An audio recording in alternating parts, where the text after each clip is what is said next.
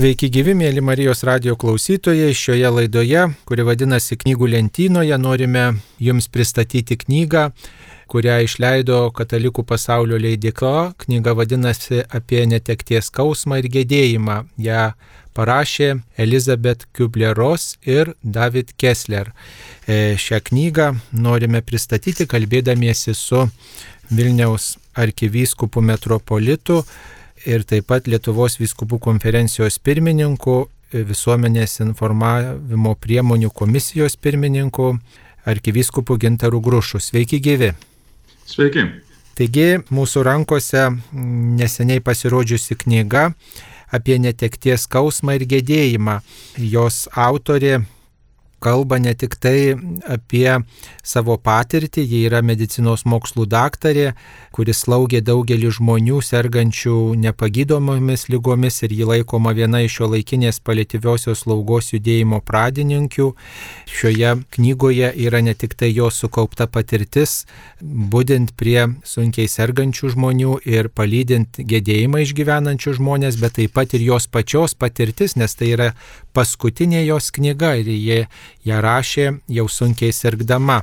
Ir kitas autorius, bendraautorius yra biotikas Kessleris, vienas žymiausių pasaulyje mirties ir gedėjimo ekspertų, kaip yra pristatyta šioje knygoje. Ir jo darbas, jo, jo knygos sulaukė net šventosios motinos Teresės pagirimų. Taigi, ką, mielas ganytojau, jūs naujo atradote šioje knygoje, nes lietuvių kalba jau yra tai ne pirmoji knyga apie netekties skausmą ir gedėjimą. Man pirmiausiai imponuoja pati autorė ir čia dėl mano asmeninės istorijos, nes jinai parašė savo pirmą tokią knygą apie mirtį ir mirimą jau beveik prieš 50 metų, kai aš vieną iš simpozijumų, kur man teko lankyti, dalyvauti, buvo kaip tik ir pavadintas apie mirtį ir mirimą. Ir tai buvo maždaug dešimt metų po to, kai jį parašė savo tą fundamentinį veikalą. Jinai pristatė pasauliui tuos penkis etapus, kur ir kartojasi šitoje knygoje. Gėdėjimo etapai, bet jie buvo pritaikyti pirmų pirmiausiai mirštančiam žmogui, kur išgyvena pats tuos etapus kai susunkia lygą sužino savo diagnozę ir tuos etapus išgyvena. Man tas simpozijumas paliko gilų įspūdį ir labai tapo naudingas tolimesniam mano darbui vėliau kaip po kunigu. Tai yra suprasti, ką žmogus išgyvena ir tokiu būdu tik tai galima jam padėti, palydėti tame kelyje šitoj knygoj e, daktarė Kubla Ross su bendraautoriu David Kessler šitą pritaiko gedėjimui.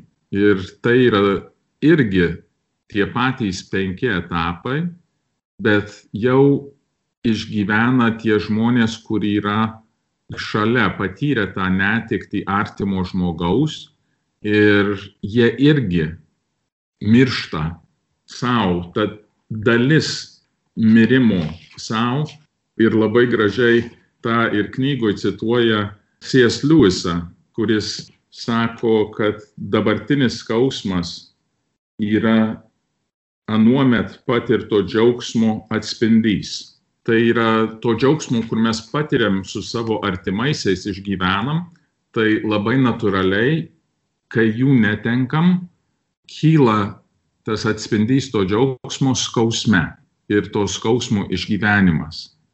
Tai tie penki etapai, manau, kad verta juos pirmiausiai įvardyti ir tada eiti truputį gilyn per juos. Tai tie penki etapai yra neigimas, pyktis, dėrybos, depresija ir prieimimas. Pirmiausiai tas neigimas negaliu priimti, kad aš turiu arba mano artimas žmogus susirgo vėžiu. Aš neigiu, negali būti, arba, arba labai gražiai knygoje. Ir, ir šitą knygą pasižymė tuo, kad yra rinkinys tikrų istorijų, kur žmonės išgyvena. Mes kaip kunigai, man atrodo, turim šitas patirtis, todėl kad daug ką mes lydim per jų gedulo laiką. Nuo laidotuvių momento ir dažnai ateina pasikalbėti, pasidalinti su kunigu.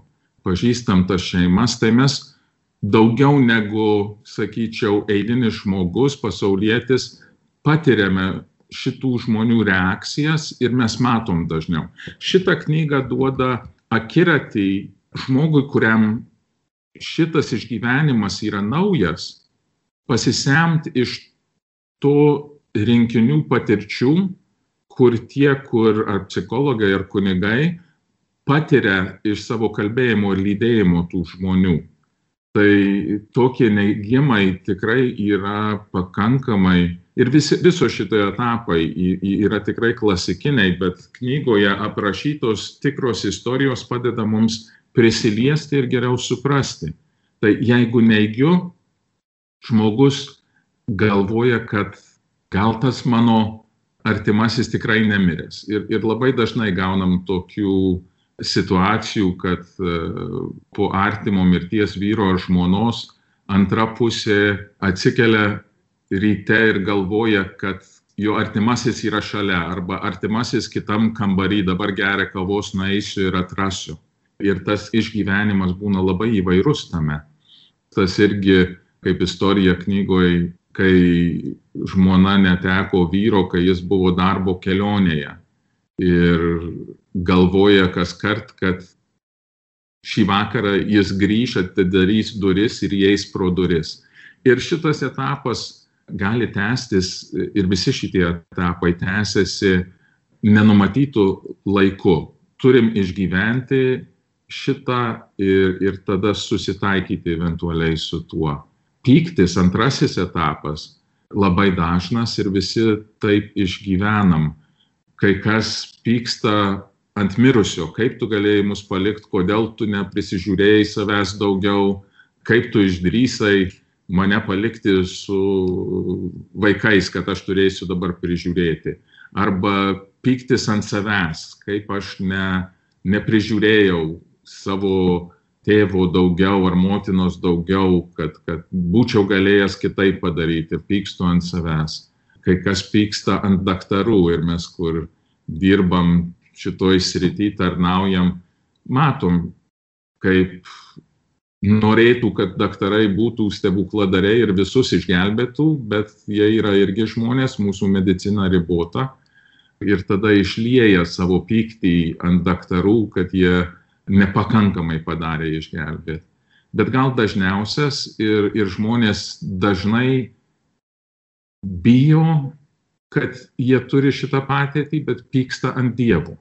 Ir tas, tas pyktis yra natūralus, kai kas net patyrę šitą netekti ne tik ginčiasi, bet pyksta ant Dievo ir, ir pyksta ant bažnyčios. Jei žmogus ateina, kad paguost tą žmogų netekti ir gal ir, ir, ir ne, neteisingai bando pasakyti, tam žmogui, kad negali pykti ant Dievo, tai yra neteisinga.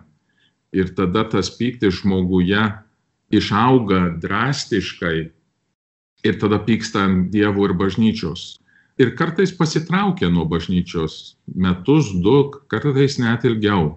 Bet tas pyktis yra ir, ir šitoj knygoje, kaip ir jos ankstyvesniuose knygose, Kupleras labai aiškiai pasako, kad reikia žmogui išsipykti. Dievas yra daug didesnis, tvirtesnis ir mes jo neužgausim, jis supranta, kad tas žmogus pyksta ir jam reikia, nes pyktis yra emocija, kuris slepia mūsų gilų skausmą. Ir jei mes neįsipykstam, tas skausmas negali būti prisiliestas ir, ir, ir išgydytas.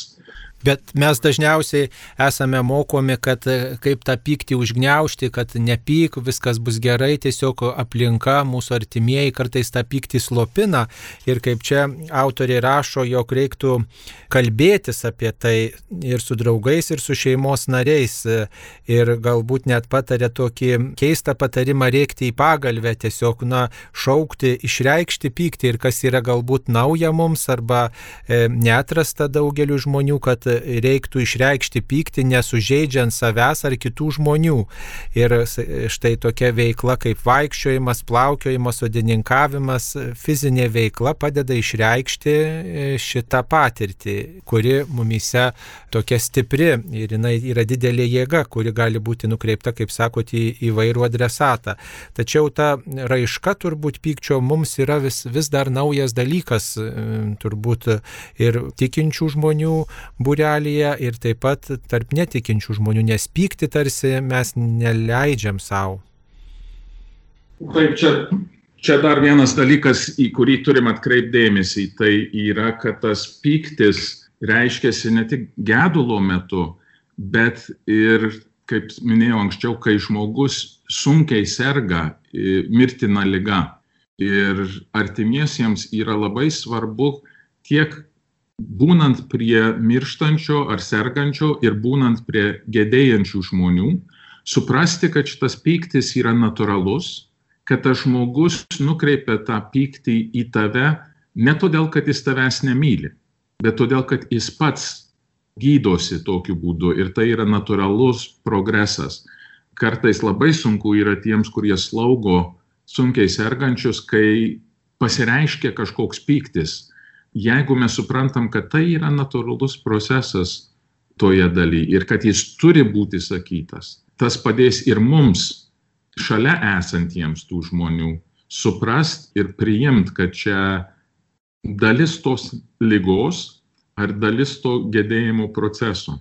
Dažnai žmonės pykti laiko nuodėmė, kad pykti tai yra didelė nuodėmė ir dėl to jaučia kaltę. E, ar tikrai pyktis yra nuodėmė? Pyktis pats save yra emocija. Ir kerštas galėtų būti nuodėmė. Arba neapykanta, tokia pyktis verstantis į neapykantą, tokia pastovų apsisprendimą prieš. Gal taip? Jo, nuodėmė reikia valios apsisprendimo, kad aš noriu tai daryti. Čia ant ribos to, kai aš noriu pykti ant Dievo, bet ne, ne visada yra čia ta laisva valia, todėl kad tai yra skausmo efektas, čia daugiau skausmo išraiška negu valios išraiška į kitą asmenį. Ir Dievas tikrai supranta, nes jis mus tokius ir sukūrė. Bet e, einant toliau po, po, tas, e, po tos etapus, po pykčio, sakau po pykčio, nes tai yra eilės tvarka, bet reikia gal prisiminti, kad ne visada žmonės išgyvena šituos paeiliui gali būt kad pirmiausiai ateina darybos tada neigimas tada pyktis tada grįžtam į neigimą. Tai tai nėra toks švarus progresas per šituos etapus bet jie visi vienaip ar kitaip turi mumyse pasireikšti. Tai trečias etapas šitam sąraše yra derybos. Ir čia ypač patyrę netektį su dievu žmonės bando derėtis Dieve, jei tu mane išgydysi nuo šitos lygos, tai aš tada būsiu geras ir kas sekmadienį eisiu į bažnyčią ir tau tarnausiu, tik viešpatė mane išgelbė. Arba su mirusiaisiais, kai gedam jų, tai irgi yra tas etapas, kur bandom dėrėtis viešpatė, jei man sugražinsi mano artimai, tai tada tikrai nedarysiu tokių pačių klaidų ir gerai, sveikai ir, ir e, su meile gyvensiu tau tarnaujant. Ir tos istorijos šitoj knygoje tikrai yra iš vienos pusės tikros, bet labai patraukiančios, labai žmogiškos. E, šitoj apie dėrybas vietoj buvo tikrai įdomi istorija apie 75 metų amžiaus vyruką ir jo žmoną, 60 kelių tenai kur nutarė rūpinti savo sveikatą. ir apsėmė, kad jis pasiskaitė, kad kasdien reikia vaikščioti ir tas vaikščiojimas jiems tikrai į sveikatą. Ir ten kasdien apsibrėžė, tai jau po keturių dienų to vaikščiojimo, ką tik grįžo iš miesto tvarkant reikalus ir vyras apsėmė, kad reikia būtinai eiti pasivaikščiot, kad mes tą įgūdį susiformuotume mūsų gyvenime tai reikia 30 dienų iš eilės ir negalim praleisti dienos. Žmona pradeda maldauti, kad, nu, mes pavargę, gal vieną dieną į savaitę palsėkim. Vyras susispyrė, sako, reikia eiti pasivaikščiot ir žmona nusileidžia, išeina į gatvę, pereina keletą kvartalų ir jiems einant per gatvę staiga mašina lekia, abu juos nutrenkia vyrui ranka sulaužyta, o žmonai daug rimčiau. Ir juos nuveža į ligoninę, ten greit aptaiso, o žmona turi operuoti. Ir jis jau tada pradeda tas dėrybas su Dievu.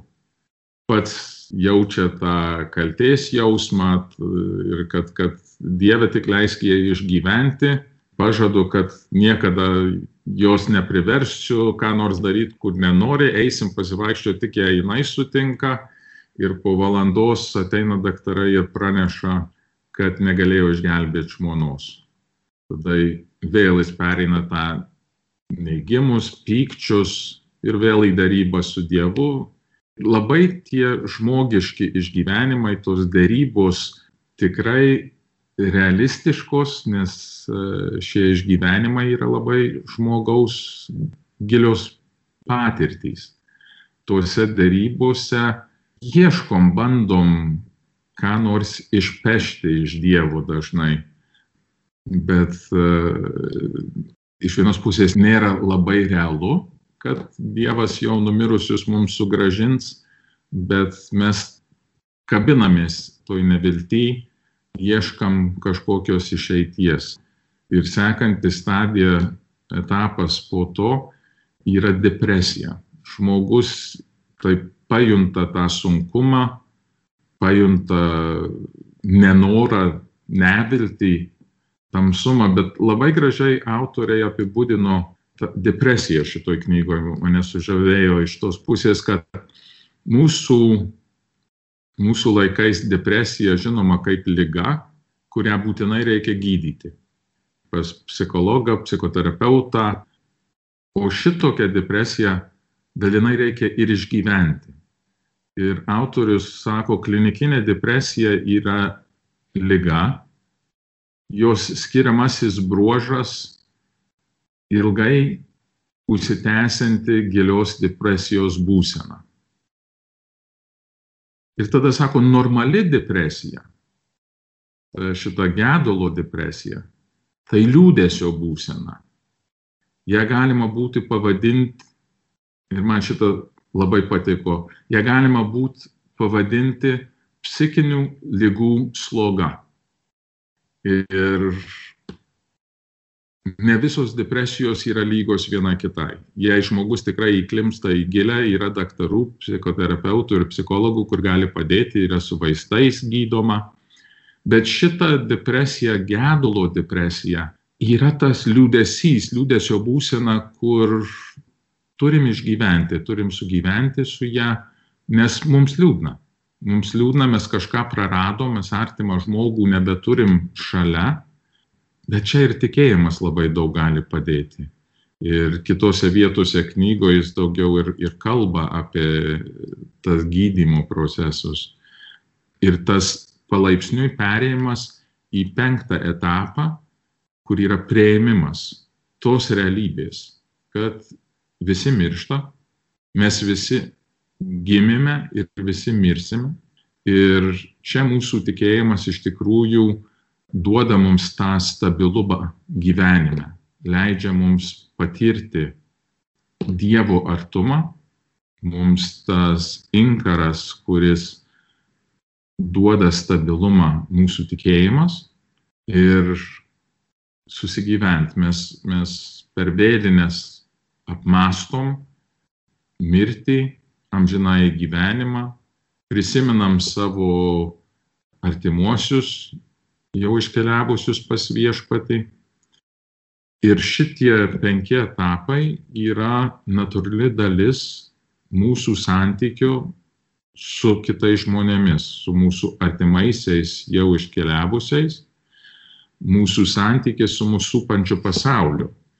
Ir kaip autoriai gražiai padalina mūsų vidinis gedėjimo pasaulis ir gedėjimas ir mūsų supantis pasaulis.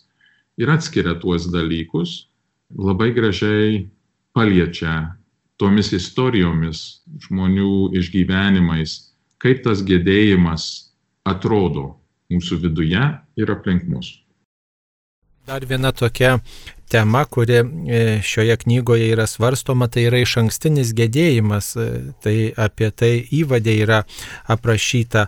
Turbūt e, daugelis žmonių susidūrė yra su gedėjimu, nes natūralu, kad mes susi, palydim savo artimuosius, patiriam mirties artumą, mirties siaubą ir tą liūdėsi ir su vienais ar kitais tais gedėjimo etapais tikrai esame susipažinę, tačiau iš ankstinio gedėjimo kaip po tokio daugelis iš vis neleidžia savo priimti, pripažinti, kad toks gali būti. Gal galima apie tai keletą žodžių būtų tarti, kas tai yra tas iš ankstinis gedėjimas iš ankstinis gedėjimas, kai žmonės iš tikrųjų pasiruošia tai mirties realybei. Ypač gal Lietuvoje mes turime ir anksčiau būdavo, kai žmonės namuose ruoždavosi mirti.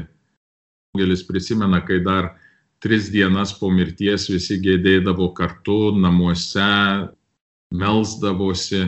Tai buvo labiau apčiuopiama mirtis, dabar kartais yra labai sterili, kažkur tenai, ligoniniai slaugos namuose ir ne visada taip patiriama.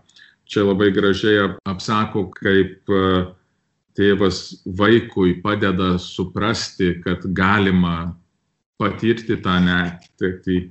Ten sako net, įsiverk už mus visus, sunelį, už mus visus kad yra priimtina tos ašaros, tas verksmas, tas skausmas, taip, ta realybė. Ir kai žmogus jau ruošiasi mirščiai, kai turi lygą, kad visa šeima kartu, mes uh, turime tą kvietimą uh, gailestingumo vainikėlį melstis mirties valandą prie mirštančio. Tai irgi yra savotiškas tas įėjimas į tą slėpinį mirties, gedėjimo, dar kol žmogus gyvas, melžiame už jį, melžiame, kad viešpats būtų jam gailestingas. Bet tuo pačiu mes ruošiame save, kad mes suprantam, kad yra tas ir anapus, į kurį tas žmogus kelyje ir kad mes įsiskirsim. Ir mes pasiruošiam ir save tam, tie atsisveikinimai, bet net ir prieš, kad tas pasiruošimas, kad žinome, kad reikės atsisveikinti. Labai žmogiška yra tas momentas, kai besiruošiant ilgesniai kelioniai, e, ruošiamės išvažiuoti iš namų ir žinome, ar vaikas iškeliauja į kitą šalį studijoms metams. Ir vieni ir kiti žino, kad nesimatys kurį laiką. Dabar gal mažiau tas atitrūkumas yra tose kelionėse, kai mes turim ir internetą ir galimybę ir su vaizdu susisiekti su savo artimaisiais, kur yra užsienį gyvena. Anksčiau nebuvo taip, buvo daug rečiau, kad net telefonu būtų galima pakalbėti, bet pasiruošimas tai kelionė, kai žinom, kad nematysim ir mano patirtis ilgą metę buvo, kad aš kaip jau išvažiavau į studijas į Romą, vėliau pradėjau gyventi Lietuvoje, mano tėvai jau amžiumi gyveno dar Amerikoje ir kiekvieną kartą, kai teko aplankyti ir tada ruoštis vėl išvažiuoti, pasąmoniai visada buvo, o jei jie mirs, kai aš būsiu Lietuvoje ir čia gal mano paskutinis kartas su jais atsisveikinti. Ir tą teko išgyventi daugelį metų, nes jie jau su amžiumi buvo ir toks iš ankstinis atsisveikinimas, pasiruošimas, kad tai yra galimybė, kad čia paskutinis kartas. Ir pasakai, kad juos myli, apkabini ir žinai, kad pavedė į Dievo rankas. Bet 20 metų kas kart grįždavau, vėl pabūdavom kartu ir vėl tas atsisveikinimo, pasiruošimas atsisveikinti. Bet man atrodo, kad tai padėjo labai ir tame, kai mano tėveliai iškeliavo pas viešpatį, nes aš jau įpratęs buvau atsisveikinti. Ir tas įprotis, man atrodo, yra labai sveikas, kad mes gyventumėm taip, kad mes žinotumėm, kad kito žmogaus gali jau sekantį kartą nebesuras šitam pasauliu. Labai svarbus ir šventųjų, ir, ir tas memento mori, kur garsusis posakis prisimink, kad mirsi ir tu. Tai turėjimas mirties prieš akį yra labai sveikas mūsų gyvenimo dalis. Todėl ir, ir kapų lankymas vėlinėse, ir tas gedėjimo procesas, mišios, liturgija užmirusius labai sveika. Ir dėl to, kad pasimeldžiam už tuos, kur jau iškeliavę, atnaujinam savo meilės ryšį su jais, bet ir mums tą primena faktą, kad ir mes mirsim. Labai netikėta tokia mintis šioje knygoje e, paaiškinama, kodėl reikia gedėti. Mums atrodo, kad reikia iš to gedulo kuo greičiau pabėgti. Štai jeigu mirė kažkas iš mūsų artimųjų, tai turbūt kiti sako, neliūdėk, čia viskas gerai, va, užsimiršk, prasiblaškyk, va, paskaityk anegdotų, čia išmesk daiktus, viską greit sutvarkyk, kad kuo greičiau viskas pasibaigtų ir į darbą kuo greičiau sugrįžk, kad, nu, tęstųsi tas visas gyvenimas. Tačiau štai šie autoriai rašo knygos pabaigoje, kodėl reikia gedėti. Dėl dviejų priežasčių. Pirmiausiai tie, kurie gerai gedi, gerai ir gyvena. Antra, svarbiausia gedėjimas padeda išgydyti jūsų širdį, sielą ir mintis, tai į pilnatvę vedantis kelias. Klauskime ne ar gedėsime, o kada imsime gedėti kol nepradėsime, patirsime daug skausmo. Taigi tokia truputį netikėta mintis man pasirodė ir turbūt daugeliu žmonių, kad gedėti reikia tam, kad mūsų gyvenimo kokybė būtų geresnė. Kitaip sakant, kad mes brangintume santykius, brangintume gyvenimo dovaną, brangintume tuos žmonės, galbūt nesipyktume tada dėl kažkokių smulkmenų, nekreiptume dėmesio į kažkokius nereikšmingus dalykus, o brangintume žmonės, brangintume šitą gyvenimo gyvenimo dovaną. Ar tam mus kviečia gedėjimu ta patirtis? Man labai patiko autorių pastaba pradžioj knygos, nes jie nustato savo tikslą, kodėl rašyti. Sako, nėra visiems tinkamo būdo nei laiko gedėti. Parašėme šią knygą tikėdamėsi supažindinti mūsų skaitytojus su gedulo ir gedėjimo aspektais. Ne viena knyga negali atstoti profesionalios pagalbos, jeigu jos reikia. Vilėmės, kad patekus į sunkų laikotarpį, kurį visi anksčiau ar vėliau patirsime, ši knyga taps šviesos, vilties ir paguodos švyturiu. Tai manau, kad jų šita knyga, šitas veikalas iš tikrųjų yra labai tinkamas įrankis mums ar ruoštis, susipažinti su tais etapais ir pasimokyti iš kitų patirčių. Tai yra labai geras, aš bevartant šitą knygą pagalvojau, versle ir verslo mokyklose naudoja realias patirtis, kaip vadovai iš sunkių situacijų sugebėjo įstaigą performuoti, kad atsiliepti į naujus iššūkius. Ir taip studentai mokosi vadybos principus. Man šitą knygą ir jos pavyzdžiai yra tokia vadovėlis, iš kurio galima mokytis gyvenimo principus šitoj gyvenimo dalyje. Jie patys sako, visi anksčiau ar vėliau susidursime su netektim ar su savo lyga ir reikės surasti teisingą atsaką į tai.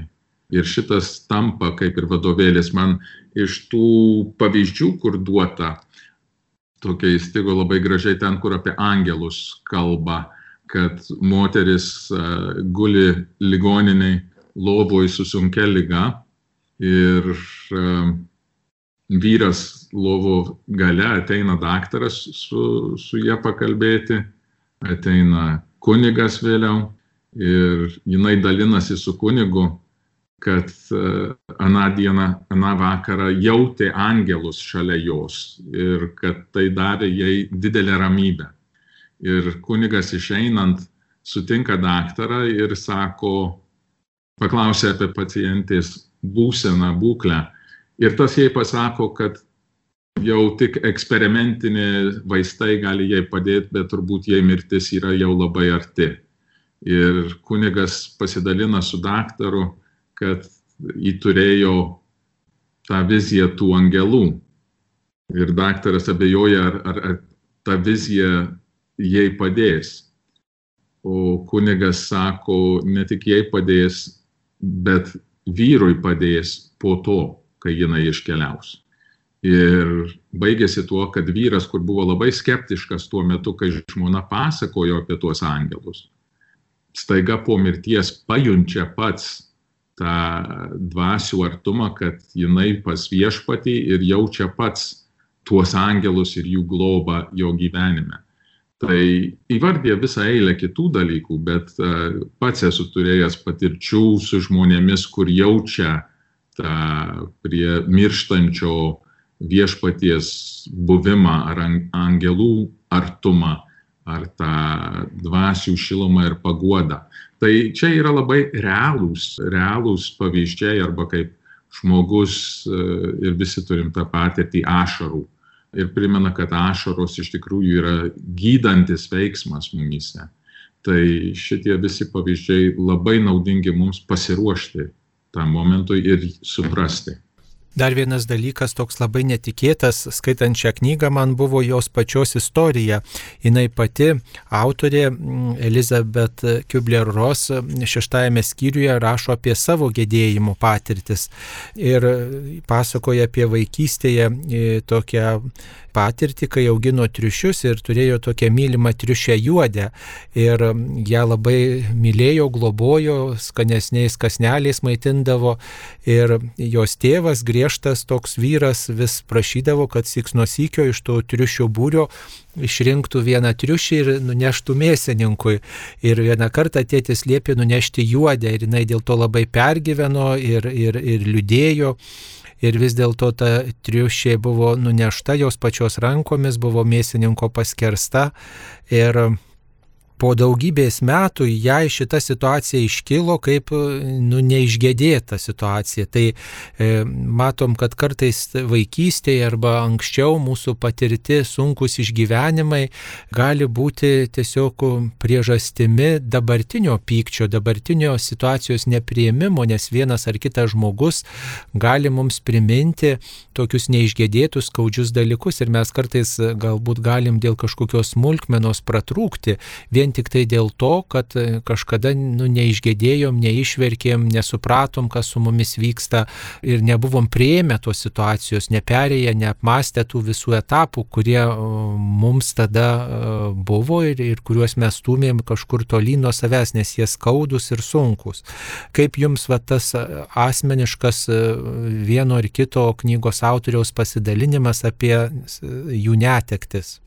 Mane iš tikrųjų palėtė faktas, kad jinai, kur iš tikrųjų padėjo daugeliui suvokti, kas yra mirtis, kaip oriai ją priimti ir medikams, kaip lydėti žmonės per šituos etapus, kad jinai šitą knygą rašė jau patyrus insultą, paralyžiuota lovoje. Ir atrodo, kad paskutinės dvi knygas, jei prisimenu teisingai, tokioj būsenoj būkliai rašė. Ir rašant apie gedėjimą, pati įsišaukė savyje savo gedėjimo procesų, tuos pamirštus momentus. Ir tai parodo, kad pats autorius tą išgyvena, ką nori mums leisti patirti. Ir žvelgti į savo gyvenimą, savo patirtis, išgydyti praeities žaizdas. Ten pirmas jo, jos netektis mane net nustebino, kai jinai, būdama labai jauna mergaitė, atsidūrė ligoniniai palatoj su kita, kur dar labiau sirgo už ją. Ir jinai bandė kažkaip paguosti, ta mergytė pasakė, kad rytoj aš mirsiu ar e, panašaus ir jau ta pirma patirtis su žmogumi, kur, su kurio kalbi vieną momentą ir sekančią dieną to žmogaus nėra mūsų tarpe. Jį patyrė dar labai jauna. Ir nežinau, pradėjau galvoti, ar, ar tai sąmoningai, ne, nesąmoningai išprovokavo jos tolimesnę karjerą. Jinai iš tikrųjų labai plačiai apdovanota buvo už savo šituos mokslus, ką jinai atrado, sugebėjo pasauliui padovanoti. Ta, sakyčiau, sugebėjimas žvelgti mirčiai į akis ir padėti mums suprasti mirtį kaip po e, natūralią gyvenimo dalį, dalį to proceso, kur nepeinam. Na, taip pat toks e, atradimas turbūt šitoje knygoje gali būti tai, kad ši knyga skiriama ne tik tai tiems, kurie tiki po mirtiniu gyvenimu, ne tik tai tie, kurie e, yra tikintys krikščionys, bet ir net ir netikintiems žmonėms, nes e, visi susidurėm su mirtim ir turbūt visi ieškome, kaip įprasminti šitą patirtį ir kaip, kaip su jie gyventi, kaip jai kuo geriau pasiruošti. Ir be kitų dalykų šitoje knygoje yra Taip pat e, tokių praktiškų dalykų aptariama, kaip e, reikia elgtis su vėlionio drabužiais, asmeniniais daiktais, kaip švęsti šventes, kaip e, susidūrus su savižudybės atvejais išgyventi tuos etapus, kaip minėtinas dienas prisiminti, išgyventi, nes Lietuvoje taip pat įprasta minėti 30 dieną po mirties metinės ir panašias įvairias sukaktis, tai šitoje knygoje taip pat skiriame tam daug dėmesio. Tai taip pat yra skyrius apie sapnus, apie tokius apgailestavimus e, e, mirusiųjų, taip pat e, vaidmenis, kuriuos jie turėjo ir kaip tai užpildyti. Žodžiu, įvairių dalykų galima rasti skirtingos situacijos žmonėms, kurie susiduria su artimųjų netektimis, o taip pat ir svarsto apie savo iškeliavimo galimybę, nes visi mes, jeigu atėjome į šitą pasaulį, vieną dieną turėsim iš jo iškeliauti. Taigi, mėly Marijos radio klausytojai, šioje laidoje pristatėme jums knygą apie netekties skausmą ir gedėjimą, kurią parašė dabar jau mirusi medicinos mokslų daktarė Elizabeth Kubler-Ross, mirusi 2004 metais, tai yra jos paskutinė knyga ir šios knygos bendra autorius yra bioetikas Davidas Kessleris, vienas žymiausių pasaulyje mirties ir gedėjimo ekspertų ir jo pastangos yra įvertintos motinos Teresės gerų žodžių palaikymu, štai rūpintis tai žmonėmis, kurie gedė ir kurie ruošiasi iškeliauti. Šioje laidoje apie knygą apie netekties skausmą ir gedėjimą kalbėjo Vilniaus arkivyskupas metropolitas Gintaras Grušas, įkalbinau aš, vyskupas Saulis Bužauskas. Visiems linkiu vilties ir tokios išminties susidūrus su netektimi. Ačiū, sudė.